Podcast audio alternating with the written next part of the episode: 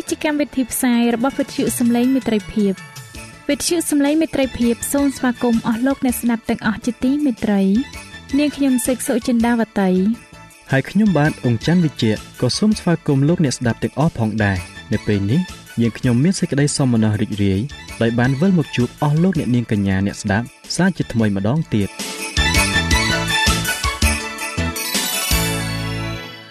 នាងខ្ញុំសេកសុចិន្តាវតី សូមជម្រាបជូនកម្មវិធីផ្សាយដែលមានជាបន្តបន្ទាប់ដូចតទៅនេតិជួបជាមួយព្រះបន្ទូលនេតិស្ពានជីវិត ចា៎លោកអ្នកស្ដាប់ជាទីមេត្រី នាងខ្ញុំសូមគោរពអញ្ជើញអស់លោកលោកស្រី អ្នកនាងកញ្ញាតាមដានស្ដាប់កម្មវិធីផ្សាយរបស់វិទ្យុយើងខ្ញុំដូចតទៅ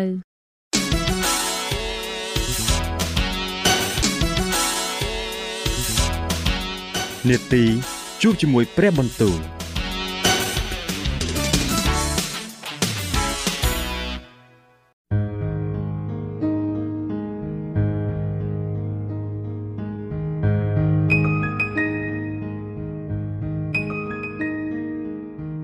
ចា៎អស់លោកអ្នកស្ដាប់ជាទីមេត្រី ជាដំបូងនាងខ្ញុំសូមអញ្ជើញលោកអ្នកនាងស្ដាប់នេតិជួបជាមួយព្រះបន្ទូលនេតិនេះនឹងលើកយកព្រះបន្ទូល ពីព្រះគម្ពីរទំនុកដង្កើងដែលនឹងជម្រាបជូនដល់លោកអង្គច័ន្ទវិជ្ជៈដូចតទៅ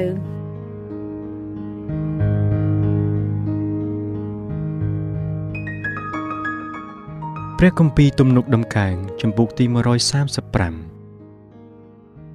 ចូលសរសើរដល់ព្រះយេហូវ៉ា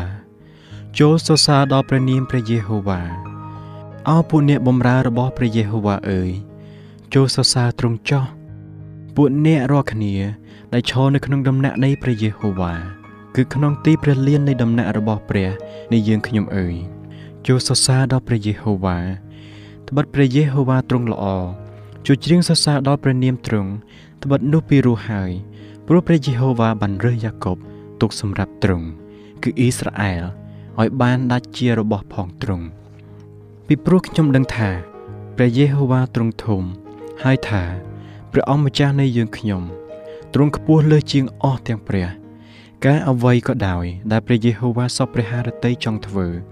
នោះក៏បានធ្វើទៅ ទាំងនៅលើមេឃនៅផែនដី នៅក្នុងសមុទ្រហើយនៅទីជម្រៅទាំងប៉ុន្មានផងទ្រង់បណ្ដាលឲ្យចំហាយទឹកឡើងពីចុងផែនដីមកទ្រង់ធ្វើឲ្យមានភ្លេចបន្ទោសម្រាប់ភ្លៀងក៏បញ្ចេញខ្យល់ពីឃ្លាំងទ្រង់មកដែរ គឺទ្រង់ដែលបានប្រហារអស់ទាំងកូនច្បងរបស់សាសអេស៊ីបទាំងមនុស្សហើយនឹងសត្វផងអោស្រុកអេស៊ីបអើយទ្រង់បានចាត់ប្រើទីសម្គាល់នឹងការអស្ចារ្យទៅកណ្ដាលឯងហើយ គឺឲ្យកើតដល់ផារ៉ោននិងពួកមហាថ្លឹកទាំងអស់គ្នាទ្រង់បានប្រហារសាសដតីជាច្រើនព្រមទាំងសម្លាប់ស្ដេចជាច្រើនអង្គដែលមានអនុភាពខ្លាំងផង គឺស៊ីហ៊ុនជាស្ដេចសាសអាម៉ូរី និងអុកជាស្ដេចស្រុកបាសាន ហើយអស់ទាំងនគរនៅស្រុកកាណានទៀតទ្រង់ក៏ប្រទានស្រុករបស់គេទុកជាមរតកគឺជាមរតកដល់អ៊ីស្រាអែលជារាជរបស់ទ្រង់អោព្រះយេហូវ៉ាអើយព្រះនាមទ្រង់ស្ថិតស្ថេរជាដរាបអោព្រះយេហូវ៉ាអើយសេចក្តីនឹកចាំពីទ្រង់ក៏ស្ថិតស្ថេរនៅដរាបដល់អស់ទាំងដំណរមនុស្សតទៅត្បិតព្រះយេហូវ៉ាទ្រង់នឹងវិនិច្ឆ័យរាជទ្រង់ហើយនឹងប្រែព្រះハរតីចំពោះអ្នកបម្រើទ្រង់ អស់ទាំងព្រះរបស់សាសដតីសុទ្ធតែជារូបធ្វើពីប្រាក់និងមាសប៉ុណ្ណោះជារបស់ដែលដៃមនុស្សបានធ្វើមករូបទាំងនោះមានមាត់តែមិនចេះនិយាយមានភ្នែកតែមើលមិនឃើញ មានត្រចៀកតែស្ដាប់មិនឮក៏គ្មានខ្យល់ដង្ហើមនៅក្នុងមាត់ផងពួកជាងដែលធ្វើរូបទាំងនោះក៏ដូចជារូបនោះឯងព្រមទាំងពួកអ្នកដែលទុកចិត្តនឹងរូបនោះផងអោពូជពងអ៊ីស្រាអែលអើយចូលសូមឲ្យព្រះយេហូវ៉ាបានប្រកបដោយព្រះពរ អោវងអឺរ៉ុនអើយចូលសូមឲ្យព្រះយេហូវ៉ាបានប្រកបដោយព្រះពរអោវងលេវីអើយចូលសូមឲ្យព្រះយេហូវ៉ាបានប្រកបដោយព្រះពរហើយអស់អ្នកដែលកោតខ្លាចដល់ព្រះយេហូវ៉ាអើយចូលសូមឲ្យព្រះយេហូវ៉ាបានប្រកបដោយព្រះពរចោះសូមឲ្យព្រះយេហូវ៉ាបានប្រកបដោយព្រះពរពីក្រុងស៊ីយ៉ូនមក ជាព្រះ ដែលទ្រង់គង់នៅក្រុងយេរូសាឡឹមចូលសរសើរដល់ព្រះយេហូវ៉ាចោះ ព្រះគម្ពីរទំនុកដំកើងជំពូកទី136អោសូមអរព្រគុណដល់ព្រះយេហូវ៉ាត្បិតទ្រង់ល្អសេចក្តីសប្បុរសរបស់ទ្រង់ស្ថិតស្ថេរនៅជាដរាបអោសូមអរព្រះគុណដល់ព្រះដ៏ធំលើអស់ទាំងព្រះត្បិតសេចក្តីសប្បុរសរបស់ទ្រង់ស្ថិតស្ថេរនៅជាដរាបអោសូមអរព្រះគុណដល់ព្រះអម្ចាស់ដ៏ធំលើអស់ទាំងព្រះអម្ចាស់ ត្បិតសេចក្តីសប្បុរសរបស់ទ្រង់ស្ថិតស្ថេរនៅជាដរាបគឺដល់ទ្រង់ដែលធ្វើការអស្ចារ្យយ៉ាងធំតែមួយអង្គទ្រង់ត្បិតសេចក្តីសប្បុរសរបស់ទ្រង់ស្ថិតស្ថេរនៅជាដរាបគឺដល់ទ្រង់ដែលបានបង្កើតផ្ទៃមេឃដោយប្រាជ្ញាត្បិតសេចក្តីសប្បុរសរបស់ទ្រង់ស្ថិតស្ថេរនៅជាដរាបគឺដល់ទ្រង់ដែលបានក្រាលផែនដីនៅលើទឹកត្បិតសេចក្តីសប្បុរសរបស់ទ្រង់ស្ថិតស្ថេរនៅជាដរាប គឺដល់ទ្រង់ដែលបានបង្កើតតួពន្លឺយ៉ាងធំទាំងប៉ុន្មានត្បិតសេចក្តីសប្បុរសរបស់ទ្រង់ស្ថិតស្ថេរនៅជាដរាប គឺព្រះអាទិត្យសម្រាប់បំភ្លឺនៅពេលថ្ងៃត្បិតសេចក្តីសប្បុរសរបស់ទ្រង់ស្ថិតស្ថេរនៅជាដរាប និងព្រះច័ន្ទហើយផ្កាយទាំងប៉ុន្មានសម្រាប់បំភ្លឺនៅពេលយប់ត្បិតសេចក្តីសប្បុរសរបស់ទ្រង់ស្ថិតស្ថេរនៅជាដរាបគឺដល់ទ្រង់ដែលបានប្រហារស្រុកអេស៊ីបចំលើអស់ទាំងកូនច្បងរបស់គេ ត្បិតសេចក្តីសប្បុរសរបស់ទ្រង់ស្ថិតស្ថេរនៅជាដរាបព្រមទាំងនាំសាសអ៊ីស្រាអែលចេញពីកណ្ដាលគេមកត្បិតសេចក្តីសប្បុរសរបស់ទ្រង់ស្ថិតស្ថេរនៅជាដរាបដោយព្រះហស្ថខ្លាំងពូកែនិងព្រះពិហុលើកសម្រេចត្បិតសេចក្តីសប្បុរសរបស់ទ្រង់ស្ថិតស្ថេរនៅជាដរាបគឺដល់ទ្រង់ដែលបានវែកសមុទ្រក្រហមចេញជាពីរត្បិតសេចក្តីសប្បុរសរបស់ទ្រង់ស្ថិតស្ថេរនៅជាដរាប ក៏ឲ្យសាសអ៊ីស្រាអែលដើរកាត់កណ្ដាលសមុទ្រនោះត្បិតសេចក្តីសប្បុរសរបស់ទ្រង់ស្ថិតស្ថេរនៅជាដរាបតែបានរលាស់ទម្លាក់ផារ៉ោនព្រមទាំងពលទ័ពនៅក្នុងសមុទ្រក្រហមត្បិតសេចក្តីសប្បុរសរបស់ទ្រង់ស្ថិតស្ថេរនៅជាដរាបគឺដល់ទ្រង់ដែលបាននាំរាជទ្រង់ដល់កាទីរហោស្ថានត្បិតសេចក្តីសប្បុរសរបស់ទ្រង់ស្ថិតស្ថេរនៅជាដរាបគឺដល់ទ្រង់ដែលបានប្រហារស្ដេចដ៏ធំទាំងប៉ុន្មាន ត្បិតសេចក្តីសប្បុរសរបស់ទ្រង់ស្ថិតស្ថេរនៅជាដរាបហើយបានសម្លាប់ពួកស្ដេចដែលមានល្បីឈ្មោះផងត្បិតសេចក្តីសប្បុរសរបស់ទ្រង់ស្ថិតស្ថេរនៅជាដរាបគឺស៊ីហ៊ុនជាស្ដេចនៃសាសអាម៉ូរីត្បិតសេចក្តីសប្បុរសរបស់ទ្រង់ស្ថិតស្ថេរនៅជាដរាបហើយនឹងអុកជាស្ដេចស្រុកបាសានត្បិតសេចក្តីសប្បុរសរបស់ទ្រង់ស្ថិតស្ថេរនៅជាដរាប ព្រមទាំងប្រទាន ស្រុកគេទុកជាមរតកត្បិតសេចក្តីសប្បុរសរបស់ទ្រង់ស្ថិតស្ថេរនៅជាដរាប គឺជាមរតកដល់អ៊ីស្រាអែល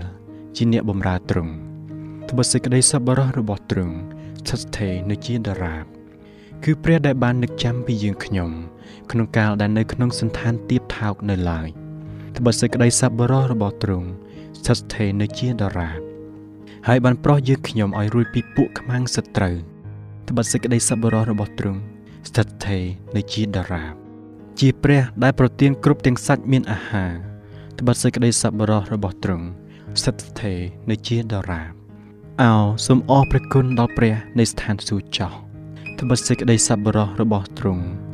ស្ថិតស្ថេរនៅជាដរាប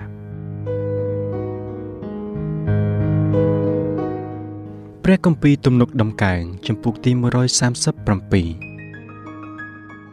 យើងបានអង្គុយចុះនៅមាត់ទន្លេស្រុកបាប៊ីឡូនអើយើងបានយំដោយនឹករលឹកដល់ក្រុងស៊ីយ៉ូនយើងបានពាក់ព្យួរសងរបស់យើង នៅដើមចាកនាកណ្ដាលស្រុកនោះត្បិតនៅទីនោះ ពួកអ្នកដែលនាំយើងទៅជិះឆ្លើយគេបង្ខំឲ្យយើងច្រៀងបទគឺពួកអ្នកដែលបំផ្លាញយើង គេឲ្យយើងលេងឲ្យគេបានអសប្បាយដោយពាក្យថា ចូលច្រៀងបទមួយរបស់ក្រុងស៊ីយ៉ូនមកឲ្យយើងស្ដាប់មើល តែយើងនឹងច្រៀងបទនៃព្រះយេហូវ៉ានៅក្នុងប្រទេសដទៃដូចម្ដេចបានអោក្រុងយេរូសាឡឹមអើយបើសិនជាខ្ញុំភ្លេចឯងនោះសូមឲ្យដៃស្ដាំខ្ញុំភ្លេចថ្វីដៃទៅផងបើសិនជាខ្ញុំមិនរលឹកដល់ឯងគឺបើខ្ញុំមិនចូលចិត្តនឹងក្រុងយេរូសាឡឹមជាជាងសេចក្តីអំណរយ៉ាងសំខាន់របស់ខ្ញុំ នោះសូមឲ្យអណ្ដាតខ្ញុំជាប់នៅក្រអូមមាត់ចោះអោព្រះយេហូវ៉ាអើយសូមទ្រង់នឹកចាំពីពួកជនជាតិអេដុំថា នៅថ្ងៃលំបាកនៃក្រុងយេរូសាឡឹមនោះគេបានស្រែកថា ចូលរំលំវា ចូលរំលំវាទៅ រហូតដល់រឹសជញ្ជាំងផងអោកូនស្រីនៃបាប៊ីឡូនអើយឯងនឹងត្រូវបំផ្លាញហើយសប្បាយហើយ អ្នកណាដែលសងដល់ឯង តាមការដែលឯងបានប្រព្រឹត្តនឹងយើងសប្បាយហើយ អ្នកណាដែលនឹងចាប់កូនតូចរបស់ឯងទៅបោកនឹងថ្មផង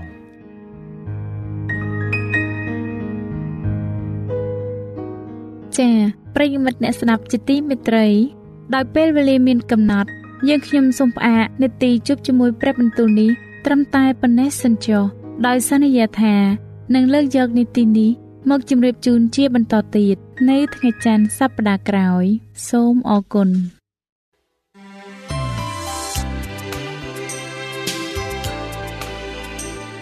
វិទ្យុសំឡេងមេត្រីភាព AWR ជាវិទ្យុដែលនាំមកពីក្នុងការនាំព្រះរាជសាររបស់ព្រះជាម្ចាស់សម្រាប់លោកអ្នក។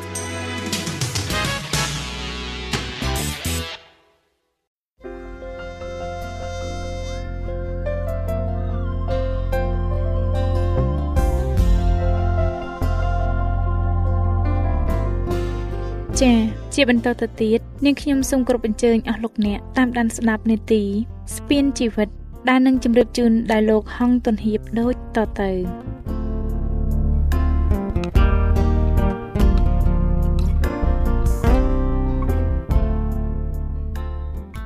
ខ្ញុំបាទហងទុនហៀបសូមជម្រាបសួរអស់អ្នកស្ដាប់ជាទីមេត្រីសូមឲ្យលោកអ្នកបានប្រកបដោយព្រះគុណនិងសេចក្តីសុខសាន្តពីព្រះដ៏ជាព្រះវរបិតានៃយើង។ ហើយពីព្រះអម្ចាស់យេស៊ូវគ្រីស្ទបាទខ្ញុំបាទមានអំណរណាស់ដែលបានវិលមកជួបលោកអ្នកនាងសាជាថ្មីម្ដងទៀតនៅក្នុងនីតិស្ពានជីវិតតាមការកំណត់ បាទកាលពីភាគ1ខ្ញុំបាទបានជម្រាបជូនលោកអ្នករួចហើយពីទួលនីតិសិទ្ធក្តីស្រឡាញ់និងក្តីស្មោះត្រង់រវាងស្វាមីនិងភរិយារួចទៅហើយហើយជាបន្តទៅទៀតនេះខ្ញុំបាទសូមលើកយកចំណុចមួយទៀតដែលនិយាយពីស្វាមីនិងភរិយាល្អជាពន្លឺនៃសង្គម បាទអាគារទាំងឡាយនៅក្នុងទីក្រុងភ្លឺទៅបាន គឺអាស្រ័យទៅដោយអំពូលភ្លើងអគ្គិសនី តែបើអំពូលទាំងនោះដាច់ហើយអាគារទាំងមូលមុខជាងងឹតសូន្យសុងជាមិនខានយ៉ាងណាមិញសង្គមជាតិទាំងឡាយដែលកើតឡើងពីគ្រួសារជាច្រើន ដែលមានស្វាមីភរិយាមួយគូមួយគូ ជាអ្នកដឹកនាំគ្រួសារនីមួយៗបើស្វាមីនិងភរិយាភាកច្រើនខ្វះសេចក្តីសុខសាន្តសង្គមនោះក៏ពិតជាមានការអ៊ូអាប់ដែរ ដូច្នេះលោកអ្នកជាស្វាមីភរិយាទាំងឡាយអើយការដែលយល់ថារឿងប្តីប្រពន្ធជាបញ្ហាផ្ទៃក្នុងរបស់គ្រួសារអ្នកទេ នោះខុសហើយតាមពិតវាជាបញ្ហានៃសង្គមជាតិទាំងមូលផងដែរយើងខ្ញុំដឹងថាលោកអ្នកបានដោះស្រាយបញ្ហាលោកអ្នកបានល្អរួចមកហើយដែរ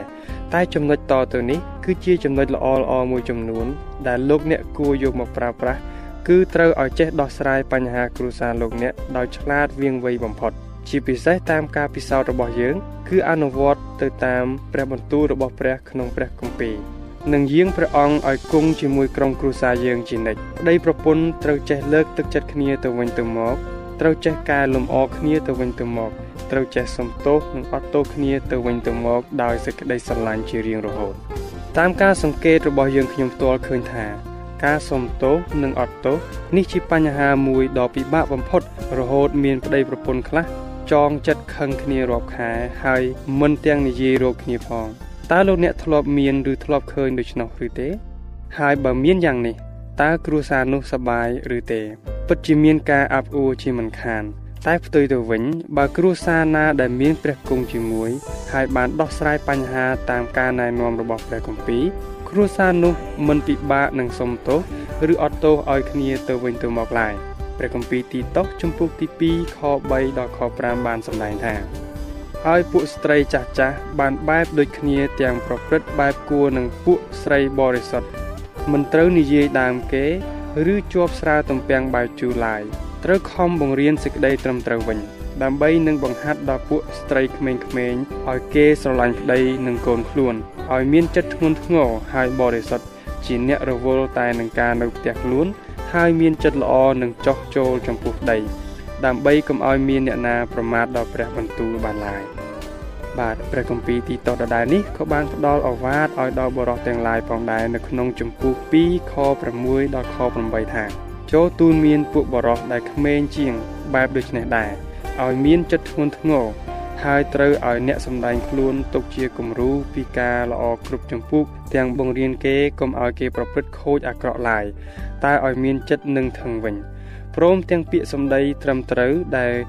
រោគចាប់ទោសមិនបានផង ដើម្បីឲ្យអ្នកណាដែលទៅតឹងទៅតែងបានអៀនខ្មាស់ដោយគ្មានហេតុនឹងនិយាយអាក្រក់ពីអ្នកឡើយបាទបើគ្រួសារខ្មែរយើងទាំងអស់គ្នាជាគ្រួសារល្អនោះបញ្ហាសង្គមទាំងប្រមាណពិតជាអាចដោះស្រាយបានជាមិនខាន បាទអស់លោកអ្នកស្ដាប់ជាទីមេត្រីតើព្រះមានគោលបំណងអ្វីចំពោះស្វាមីនិងភរិយានោះឪពុកម្ដាយគ្រប់រូបតែងតែស្រឡាញ់កូន ជាពិសេសនៅពេលទុកដាក់កូនចៅឲ្យមានគូស្រករគឺប្រាថ្នាចង់ឲ្យកូនបានសេចក្តីសុខសាន្តជានិច្ចប៉ុន្តែគួរឲ្យអាសូរដល់ឪពុកម្ដាយខ្លះនៅតែឃើញកូនខ្វះសេចក្តីសុខដដែលជួនកាលស្ត្រីខ្លះ ត្រូវប្តីវាយធ្វើបាបបរោះខ្លះត្រូវប្រពន្ធបំផ្លាញទ្រព្យសម្បត្តិរហូតឪពុកម្ដាយខ្លះទទួលចិញ្ចឹមកូននិងម្ដាយជាស្រីមេម៉ាយទាំងក្មេងលហកដោយមានផ្ទៃពោះផងដោយសារតែប្តីប្រពន្ធគេមិនចុះសម្រុងនឹងគ្នាបើលោកអ្នកជាឪពុកម្ដាយដែលកូនមានបញ្ហាបែបនេះតើលោកអ្នកសប្បាយចិត្តឬទេពិតជាមិនសប្បាយហើយរហូតដល់ឪពុកម្ដាយខ្លះនិយាយធ្ងន់ធ្ងរថាបើឯងធ្វើបាបកូនអញអញសុកចិត្តយកកូនអញមកចិញ្ចឹមវិញ ចុះព្រះដែលយើងចាត់ទុកថាទ្រង់ជាឪពុកម្ដាយរបស់យើងនោះតើព្រះអង្គមានប្រតិយយ៉ាងណាដែរព្រះគម្ពីរបានបញ្ជាក់ប្រាប់ថាព្រះនៅតែស្រឡាញ់មនុស្សជានិច្ចព្រះអង្គមិនចង់ឲ្យមនុស្សមានការបាក់បែកឆ្លោះប្រកែកគ្នានោះទេ គឺព្រះអង្គចង់ជួយផ្សះផ្សាគេឲ្យមានសេចក្តីសុខសាន្តឡើងវិញ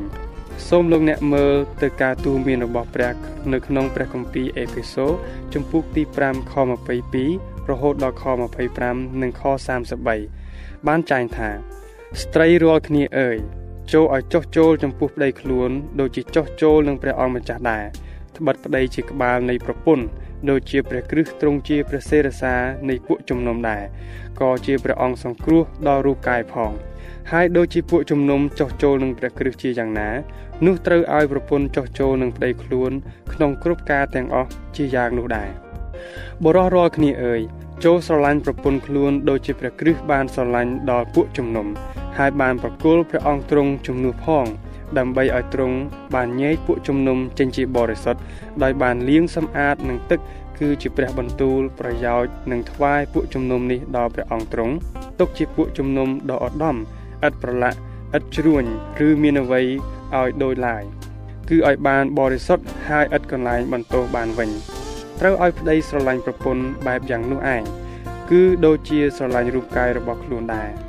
អ្នកណាដែលស្រឡាញ់ប្រពន្ធខ្លួននោះក៏ឈ្មោះថាស្រឡាញ់ដល់ខ្លួនឯងហើយ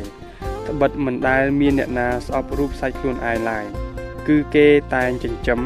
ហើយថ្នាក់ថ្នមវិញ ដូចជាព្រះអង្គម្ចាស់ដល់ពួកជំនុំដែរត្បិតយើងរាល់គ្នាជាអវយវៈរបស់រូបអង្គនិងសាច់ឆ្អឹងទ្រង់ដោយហេតុនោះបានជាមនុស្សប្រុស នឹងលាចេញពីឪពុកម្ដាយទៅនៅជាប់នឹងប្រពន្ធហើយអ្នកទាំងពីរនោះនឹងត្រឡប់ជាសាច់តែមួយវិញប៉ុន្តែត្រូវឲ្យអ្នករាល់គ្នាទាំងអស់ស្រឡាញ់ប្រពន្ធខ្លួនដូចជាខ្លួនឯងហើយប្រពន្ធក៏ត្រូវកោតខ្លាចដីដែរបាទអស់លោកអ្នកស្ដាប់ជាទីមេត្រីចំណុចចុងក្រោយនៅក្នុងនីតិរបស់យើងនៅថ្ងៃនេះគឺនិយាយពីស្វាមីនិងភរិយាជាគ្រីស្ទាននៅក្នុងព្រះគម្ពីរយ៉ូហាន ជំពូកទី13ខ35បានសម្ដែងថា គេនឹងដឹងថាអ្នករាល់គ្នាជាសិស្សរបស់ខ្ញុំដោយសារសេចក្តីនេះឯងគឺដោយអ្នករាល់គ្នាមានសេចក្តីស្រឡាញ់ដល់គ្នាទៅវិញទៅមក បាទពិតមែនហើយដើម្បីបង្ហាញសេចក្តីគោរពកោតខ្លាចដល់ព្រះជាម្ចាស់គឺលោកអ្នកត្រូវតែស្រឡាញ់ក្រុមគ្រួសាររបស់លោកអ្នកដោយស្មោះគឺប្តីប្រពន្ធត្រូវមានការស្មោះត្រង់នឹងគ្នាទៅវិញទៅមកដោយមិនពោលពាក្យគំរោះគំរើយត្រគោះបោះបោកឬភូតកុហកគ្នាឡើយទោះបីការភូតកុហកនោះវាតូចតាចឬលេងសើចក្តី ក៏វាអាចបំបែកបំបាក់គ្រួសារលោកអ្នកបានដែរដោយសុភាសិតខ្មែរមួយបានពោលថាផោច្រើនចាញ់អាត្មាម្យ៉ាងវិញទៀតលោកអ្នកជាស្វាមីភរិយាទាំងឡាយគួរចំណាយពេលវេលាជាមួយគ្នាឲ្យបានច្រើនដោយមានពាក្យសម្ដីផ្អែមល្ហែមដាក់គ្នាឬជួយកំសាន្តគ្នាទៅតាមលទ្ធភាពដែលអាចធ្វើបាន។បុរាណខ្មែរពោលថាទោះបីលោកអ្នកនៅផ្ទះជាមួយគ្នាក៏ដោយតែបើគ្មានការជិតស្និទ្ធជាមួយគ្នានោះឈ្មោះថាឃ្លាតឆ្ងាយហើយ ដូច្នេះសូមប្រយ័ត្នដៃគូរបស់លោកអ្នកណាយចិត្តដោយសារតែការខ្វះទំនាក់ទំនងជិតស្និទ្ធនេះយើងសូមលើកទឹកចិត្តដល់លោកជាស្វាមីនិងលោកស្រីជាភរិយាទាំងឡាយសូមមេត្តាកុំប្រើពាក្យថា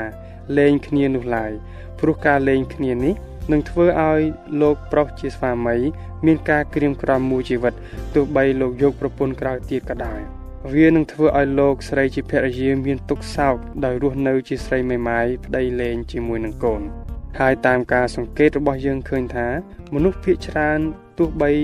អ្នកយកប្តីទៀតក៏ដោយក៏គង់តែពិបាកចិត្តបើមិនជាងមុនក៏ប្រហែលនឹងពេលដែលអ្នកនៅជាមួយនឹងប្តីឬប្រពន្ធមុនដែរហើយវានឹងធ្វើឲ្យកូនចៅរបស់លោកអ្នកមានអារម្មណ៍មិនល្អនឹងមានវិបដិសារីអស់មួយជីវិត ជាពិសេសនៅពេលដែលឪពុកមានប្រពន្ធនិងម្ដាយមានប្តីថ្មីទៀតព្រះយេស៊ូវមិនអនុញ្ញាតឲ្យប្តីប្រពន្ធលែងលះគ្នាឡើយ ព្រះអង្គបានមានបន្ទូលក្នុងព្រះគម្ពីរម៉ាថាយចំពុកទី5ខ31និង32ថាមានសេចក្តីចែងទុកមកទៀតថា អ្នកណាដែលចង់លែងប្រពន្ធនោះមានតែឲ្យសម្បត់លះលែងដល់នាងប៉ុន្តែខ្ញុំប្រាប់អ្នករាល់គ្នាថា ស្រីណាដែលមិនផិតប្តីបើប្តីនោះលែងចេញនោះឈ្មោះថាបានធ្វើឲ្យនាង ទៅជាស្រីសំពឹងហើយបើអ្នកណាយកស្រីដែលប្តីលែងធ្វើជាប្រពន្ធ អ្នកនោះហៅថាប្រព្រឹត្តសេចក្តីកំផិតដែរព្រះយេស៊ូវចង់មានបន្ទូលថា បើប្រពន្ធមិនផិតទេកុំលែងឲ្យសោះតើលោកអ្នកត្រូវធ្វើយ៉ាងណាបើប្តីប្រពន្ធលោកអ្នកមិនបានធ្វើឲ្យលោកអ្នកសប្បាយចិត្តសោះនោះតែបើលោកអ្នកលេងគ្នាសួរថាតើបញ្ហានោះវាចប់ដែរឬទេតាមពិតបើលោកអ្នកមិនបានផ្ដោតអារម្មណ៍ដោះស្រាយឲ្យចំបញ្ហាដែលលោកអ្នកកំពុងជួបប្រទះទេនោះនៅពេលដែលលោកអ្នកមានប្តីប្រពន្ធក្រោយនោះ ក៏ប្រហែលជា នៅតែមានបញ្ហានេះកើតឡើងដដែលដដែលដែរបាទមានសុភាសិតអង់គ្លេសមួយពោលថា ស្មៅដែលនៅខាងមុខមើលទៅហាក់ដូចជាខៀវខ្ចីជានិច្ចគឺបើលោកអ្នករោគច្រូតស្មៅឃើញស្មៅដែលនៅចិត្តចិត្តលោកអ្នកហាក់ដូចជាមិនល្អសោះតែមើលទៅខាងមុខវិញឃើញថាខៀវខ្ចីល្អណាស់តែដល់លោកអ្នកទៅដល់ទីនោះស្មៅនៅតែរិចរិចដដែលមានតែស្មៅដែលនៅខាងមុខនោះទៀតទេដែលល្អ លោកអ្នកដើរមួយថ្ងៃវល់ល្ងាចក៏នៅតែមិនបានស្មៅមួយតងដដែលហើយឃើញថាស្មៅនៅចិត្តមិនល្អហើយស្មៅនៅខាងមុខខៀវខ្ចីដដែលតែបើលោកអ្នកអង្គុយសន្សំស្មៅដែលខ្លីៗនៅចិត្តលោកអ្នកវិញនោះពិតជាអាចចំអែតពូកោរបស់លោកអ្នកបានដូច្នេះសូមលោកអ្នកពិនិត្យមើលបញ្ហាគ្រួសារលោកអ្នកប្រសើរជាងគិតពីការលែងលះគ្នាហើយរោគថ្មីទៀតនៅពេលដែលលោកអ្នកមានការពិបាកចិត្តសូមថ្វាយកិច្ចការនេះទៅព្រះ និងដោះស្រាយបញ្ហានោះជាមួយគ្នា ដោយអហិង្សានិងចេះយល់ចិត្តគ្នាទៅវិញទៅមកបើប្តីចង់ធ្វើយ៉ាងនេះហើយប្រពន្ធចង់ធ្វើយ៉ាងនោះដោយមិនសម្រួលគ្នាទេ បញ្ហានឹងមិនអាចចប់បានឡើយឧទាហរណ៍ប្តីចង់ទទួលទានសម្លម្ជូរហើយប្រពន្ធចង់ទទួលទានសម្លកកូរបើតម្រូវចិត្តប្តីខុសចិត្តប្រពន្ធបើតម្រូវចិត្តប្រពន្ធខុសចិត្តប្តី ដូច្នេះបើប្តីសុកចិត្តបដូរមុខម្ហូបពីសម្លម្ជូរមកញ៉ាំសម្លកកូរវិញ ហើយចាំញ៉ាំសម្លម្ជូរនៅពេលក្រោយ រួចប្រពន្ធក៏សុកចិត្តញ៉ាំសម្លកកូរនៅពេលក្រោយវិញ បើធ្វើដូច្នោះប្តីក៏សប្បាយចិត្តប្រពន្ធក៏សប្បាយចិត្តទីបំផុតប្តីនិងប្រពន្ធត្រូវចេះសរសើរឬលើកទឹកចិត្តគ្នាទៅវិញទៅមកដូចជាថាអូនស្លឆ្ងាញ់ណាស់ថ្ងៃនេះឬបងធ្វើការច្រើនណាស់ថ្ងៃនេះឬថាសុំទោស នឹងមិនអីទេ គឺអាចនិយាយបែបនេះដាក់គ្នាជានិច្ចបាទបងប្អូនស្ងួនភ្ញាជាទីស្រឡាញ់ទាំងឡាយព្រះបានស្រឡាញ់លោកអ្នកបានរៀបចំផែនការសម្រាប់គ្រួសារលោកអ្នកឲ្យមានសេចក្តីសុខសាន្តប៉ុន្តែអរសាតាំងបានដកសេចក្តីនេះចេញហើយដាក់សេចក្តីមួម៉ៅក្តៅក្រហាយជំនួសវិញតើលោកអ្នកជាស្វាមីចង់ឃើញភរិយាលោកអ្នកជានារីដែលមានប្រាជ្ញា និងស្លូតពោតដែរឬទេតើបងប្អូនជាភរិយាទាំងឡាយចង់ឃើញស្វាមីបងប្អូន ជាមនុស្សស្លូតបូតមិនឆេវឆាវនិងមានពាក្យសម្ដីទន់ភ្លន់ឬទេតើលោកអ្នកចង់បានគ្រួសារមួយ ដែលមានតែសេចក្តីសុខសាន្តរហូតឬទេសូមលោកអ្នកយាងព្រះយេស៊ូវមកគង់ក្នុងចិត្តអ្នកនិងគ្រួសារអ្នកចុះព្រោះព្រះគម្ពីរវិវរណៈចំពុកទី3ខ20បានចែងថាមើលអញឈរនៅមាត់ទ្វារព្រមទាំងគោះ បើអ្នកណាឮសំឡេងហើយបើកទ្វារឲ្យនោះអញនឹងចូលទៅឯអ្នកនោះអញនឹងបរិភោគជាមួយអ្នកនោះហើយអ្នកនោះជាមួយនឹងអញដែរបាទអស់លោកអ្នកស្ដាប់ជាទីមេត្រីមេរៀនដែលនិយាយអំពីស្វាមីនិងភរិយាក៏សន្មតថាចប់ជាបរិបូរហើយហើយពេលវេលានៃនីតិស្ពានជីវិតរបស់យើង បានមកដល់ទីបញ្ចប់ហើយដែរខ្ញុំបាទនឹងវិលមកជួបលោកអ្នកនាងម្ដងទៀតនៅក្នុងនីតិរបស់យើងលើកក្រោយ ហើយនឹងនាំយកមេរៀនថ្មីថ្មីជាច្រើនទៀតមកជូនលោកអ្នកតាមដានស្ដាប់បន្តទៀតបាទដូច្នេះសូមព្រះជាម្ចាស់ប្រទានពរដល់អស់លោកអ្នកបងប្អូនទាំងអស់គ្នា សម្រាប់ពេលនេះខ្ញុំបាទធុនហៀបសូមអរគុណនិងសូមជម្រាបលា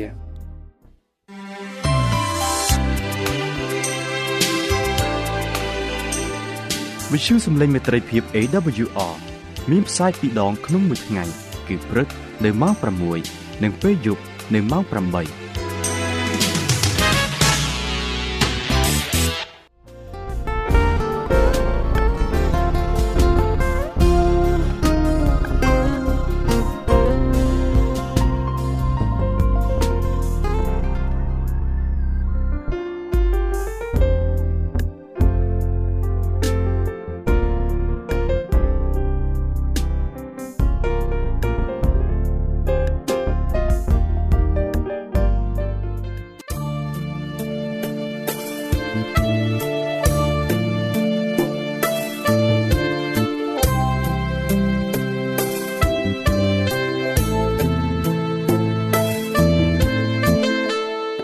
សិនជាលោកអ្នកមានសំណួរឬសំណុំពរអ្វីសូមតាក់ទងមកការិយាល័យវិទ្យុយើងខ្ញុំ តាមអាស័យដ្ឋានផ្ទះលេខ15ផ្លូវលេខ568សង្កាត់បឹងកក់2ខណ្ឌទួលគោករាជធានីភ្នំពេញលោកអ្នកក៏អាចសរសេរសម្បត្តិផ្ញើមកយើងខ្ញុំ តាមរយៈប្រអប់សម្បត្តិលេខ488ភ្នំពេញឬតាមទូរស័ព្ទលេខ012 34 96 64ឬ097 80 81 060ឬក៏តាមរយៈអ៊ីមែល vol@awr.org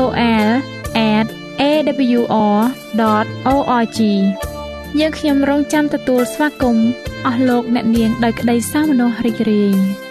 ហើយលោកអ្នកក៏អាចស្ដាប់កម្មវិធីនេះឡើងវិញដោយចូលទៅកាន់ website របស់វិទ្យុយើងខ្ញុំ តាមរយៈអាស័យដ្ឋាន www.awr.org